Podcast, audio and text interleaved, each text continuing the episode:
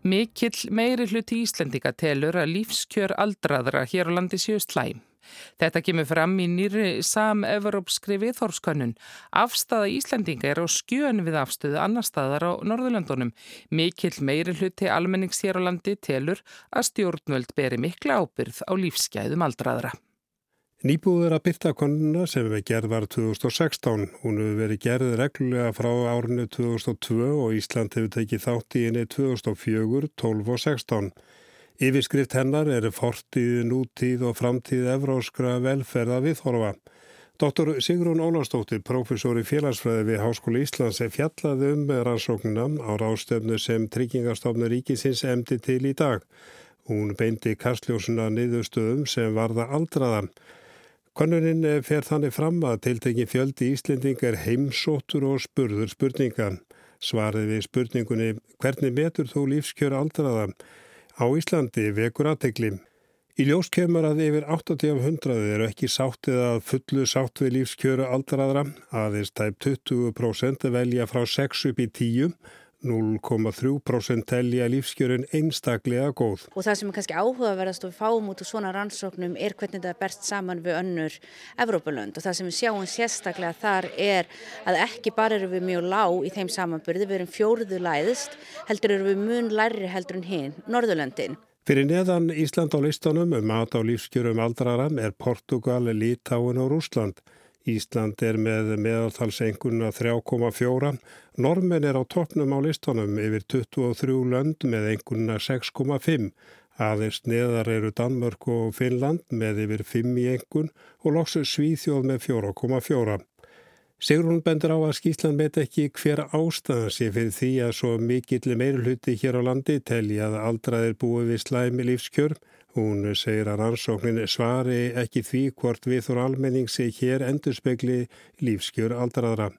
Velta megi fyrir sér hvort umræðan í fjölmjölum hafi áhrif, mikil umræða hafi verið um þennan aldursóp allt frá hrununu. Og svo auðvitað líka kröfur Íslandinga og við vitum það auðvitað að svo samfélagsgerð sem við búum í og velferðarkerfið skiptir máli.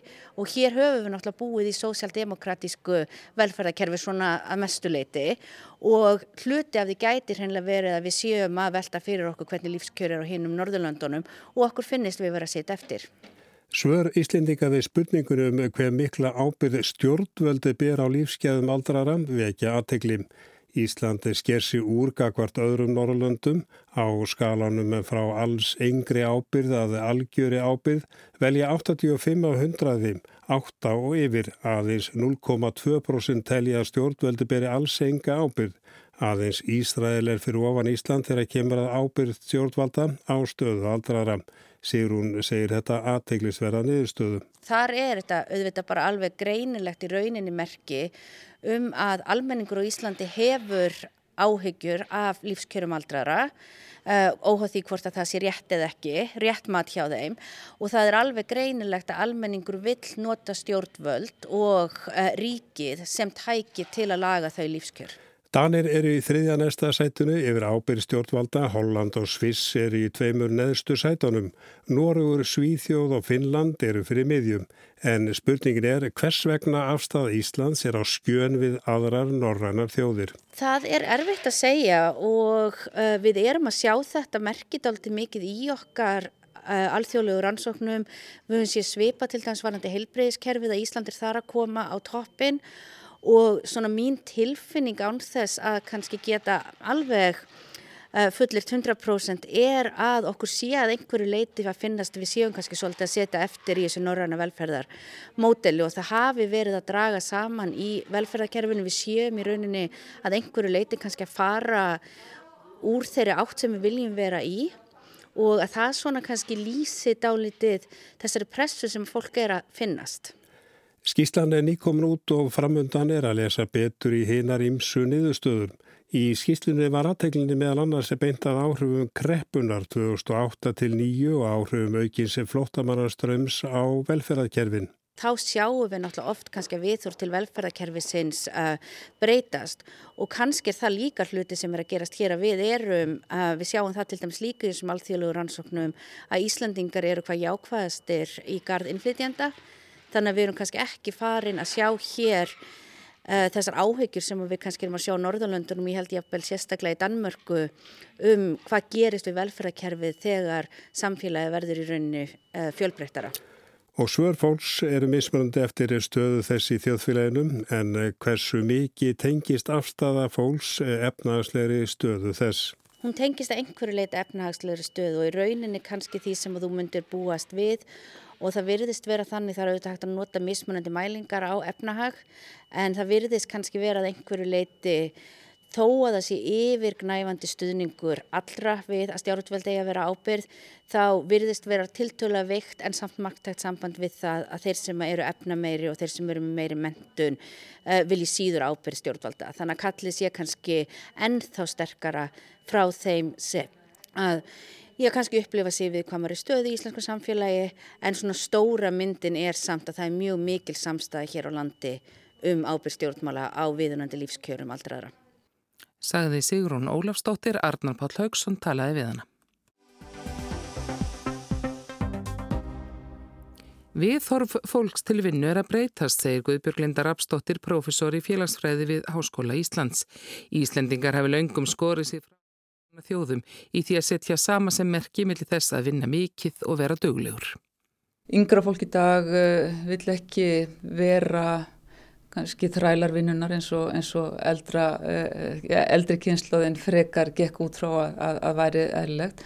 Það er að segja fólk er farið að meita meira annars vegar allskynns frí, frístundir Uh, og svo er náttúrulega kannski orðið meira, er, er náttúrulega konur farnar að verða eh, meiri þáttengundur á, á vinnumarkaði eldur en bara fyrir áratugum síðan með þeim afleðingum að fjölskyldur þurfa að stilla sér svolítið meira af hvað var þar uh, vinnuna. Þannig já það er ímislegt að breytast. Guðbjörg segir að þarna verðist koma fram kynnslóðamunur. Hann skæti líka annar staðar á Norðurlöndum þó svo að Íslendingar hafi verið hallari undir yfirvinnu kultúrinu flestir í Grænlöndunum. Nú hefur mikið verið rætt í kjærasamningum um styttingu vinnutíma og almennt séð telur hún styttinguna jákvæða. Hins vegar, það verður að vara okkur mjög á því að það kannski ekki allt fengi með styttingu og Til dæmis ef að styttingin uh, felur ekki í sér uh, fækkun verkefna þá getur það verið uh, kannski vara samt vegna þess að við vitum það líka að við höfum ótal dæmi um það að fólk er að meira að hvarta undan kullunni starfi sem að helgast almennt séð af ómiklu álægi Ég hef tekið þáttir ansóknuna frá árinu 2010 með Hjördísi Sigur, Sigursinsdóttur sem er dósend við Háskólan á Akureyri. Það sem hefur verið að sapna gögnum um uh, svona vinnuvíþor og lítan fólks í sveitafélugum hér á landi. Og uh, við maðurlega verið að horfa á, á starfsfólk sem að vinnir á leikskólum, grunnskólum og í ummönnun og við sjáum að, að þar telur fólk að í kjálfarhrins hafi álægið aukist, vinnu álægið þar að segja. Og uh, við sjáum líka þar tengsla milli vinnu álags, aukist vinnu álags og vanliðunar og þannig við þurfum að vera okkur mjög meðvitt um það að uh, þó að stytting almennt sé, vinnutíma sé, sé almennt sé góð þá er aukið álag sem að mögulega geti fyllt í, ekki endilega af hennu góða Líka það að eh, við meðum ekki gleyma því að sérlega fólk sem að vinnur kannski einhæf og erfi störf að það er bara mjög nöðsynlegt fyrir vinnutengda líðan að fólk taki sínar uh, kaffipásur og, og uh, sín hátegislið. Það er engin tilvílun að það hefur verið hluti af, af kjærasamningum að það er bara mjög tengt líðan fólks. Ljóst sé að mikil gerjun sé á vinnumarkaði og Guðbjörg nefnir tæknibreitingar sem gera fólki kleift að vinnað heimann. Það er mjög erfitt að halda utanum vinnutíma þess fólks. Þessi upplýsingateknubilding hún alltaf hefur gerst svo rætt að þegar að bara síðustu aldamót þá var fólk mjög bjart sínt á að upplýsingateknin eða það að við getum uh, syndi vinnunni heimann frá okkur uh, að, að vissu marki að það myndi auðvelda samspil fjölskyldu aðtunlífs þessar áhyggjur sem fólk hefði við, hvað var það að vera og veri oflöngum tíma í vinnunni vegna þess að það væri hægt að að, að til dæmis að sækja búin að leikskóla og fara svo heim. En nú hefur umræðan snúist tölverst og rannsóknir sína það í dag þá hefur, hefur fólk meiri, meira áhyggjur af því að, að það er ekki hægt orðið að telja vinnutíma stundir. Við vitum ekki hvað við erum að vinnum lengi að því við, það er svo erfitt að halda utanum það vegna þess að við förum heim og stimplum okkur út en höldum svo áfram að vinna þegar heim er komið.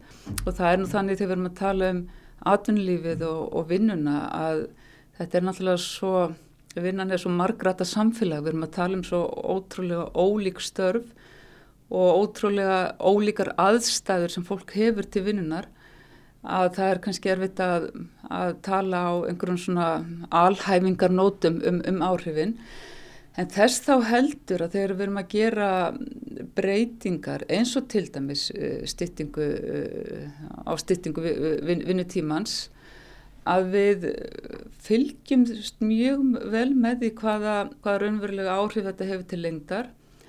Og það er ekki nóg að skoða áhrifin kannski bara næstu sex mánuðina eða, eða eitthvað þess að það er allt þekkt í rannsóknum að ef að það er verið að gera eitthvað jákvætt sem okkur finnst verið jákvætt að þá líður okkur mjög vel með það og gefum mjög jákvæð viðbröðu niðurstöðum kannski fyrst og eftir en, en langtíma áhrifin geta síðan orðið önnur.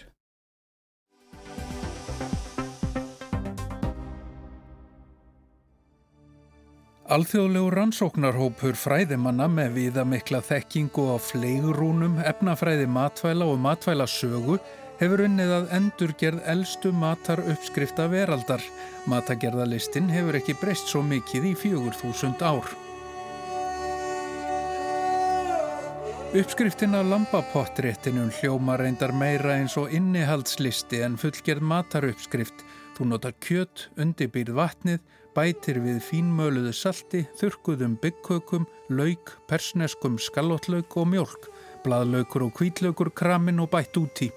Engar frekari upplýsingar fást frá höfundi en það hefur hann verið látin í fjögur þúsund ár.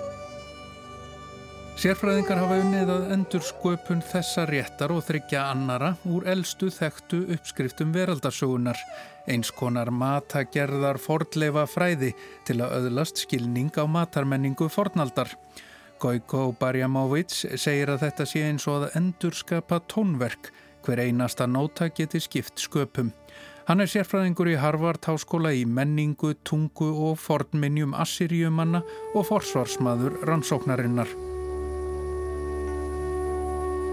Þrjára af þessum steintöflum með mataruppskriftum eru frá því um 1730 fyrir Krist og svo fjórða er þúsund árum yngri. Allar eru þær frá Mesopotamíu eða landina á milli fljótana Tígris og Efrat. Þar voru bæði Babilóni og Assyria á því landsvæði þar sem nú er Írak á samt hluta af Sýrlandi og Tyrklandi. Á eldri steintöflunum eru innihaldslistar af 25 pottréttum og súpum ímiskonar en yngri uppskriftunum fylgja nákvæmari leðbenningar um matagerðina sjálfa og framsetningu réttana. Þær steintöflur eru hins vegar ítla farnar og erfiðar að rína í. Pía Sörensen, matvæla efnafræðingur við Harvard, segir að þau hafi þurft að geta í eigðurnar með vísindalegri nálgun. Maturinn í dag er í sjálfu sér sá sami og fyrir fjögur þúsund árum. Lambakjött er lambakjött og laukurinn hefur lítið breyst. Matagerðalistin lítir sömu lögmálum í öllum megin atriðum. Uppskriftin af lambapottréttinum verðist til dæmis lítið hafa breyst á 40 öldum á landinu millir fljótana.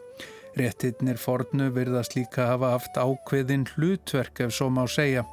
Rétturinn passrútúm er til að mynda súpa fyrir þá sem eru kvefaðir eða með timburmenn. Nafnið merkir að vinda ofanaf og rétturinn inniheldur púru, kóriandir og lauk. Uppskriftirnar skiptast í okkarmat eða mat frá Mesopotamíu og svo erlendarétti. Mesopotamíu var greinilega búið að þróa sitt eigið eldhús og matargerðasiði fyrir fjögur þúsund árum. Góðar erlendar uppskriftir fyldu hins vegar með í þessum fornu uppskriftabókum. Kjötsúpa frá Elam er dæmi um þetta en Elamítar voru persar sem byggu austan við Mesopotamíu. þar sem nú er Íran.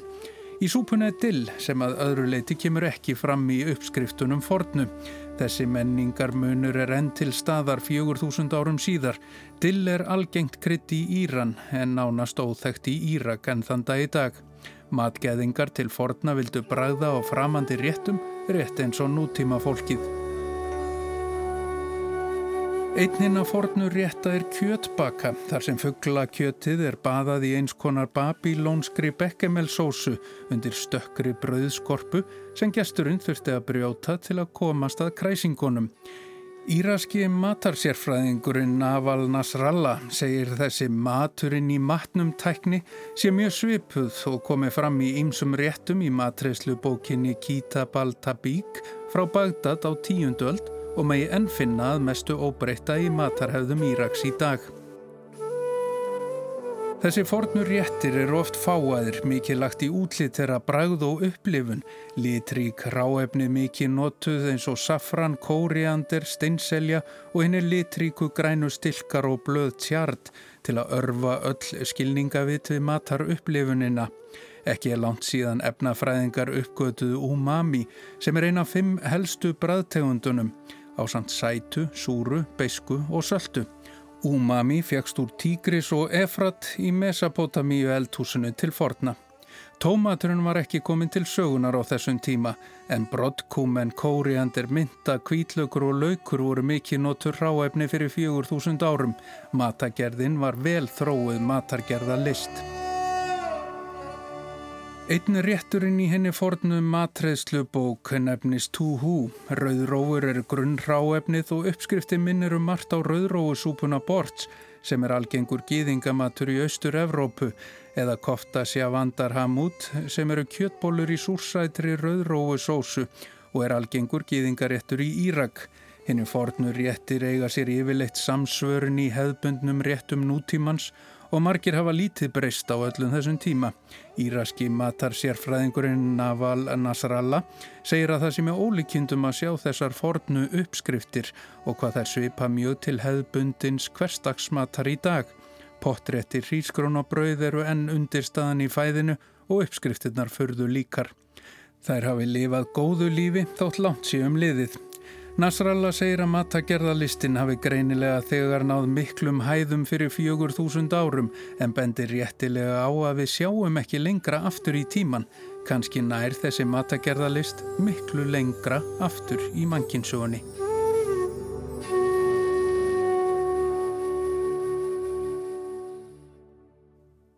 Pálmi Jónasson tók þetta saman.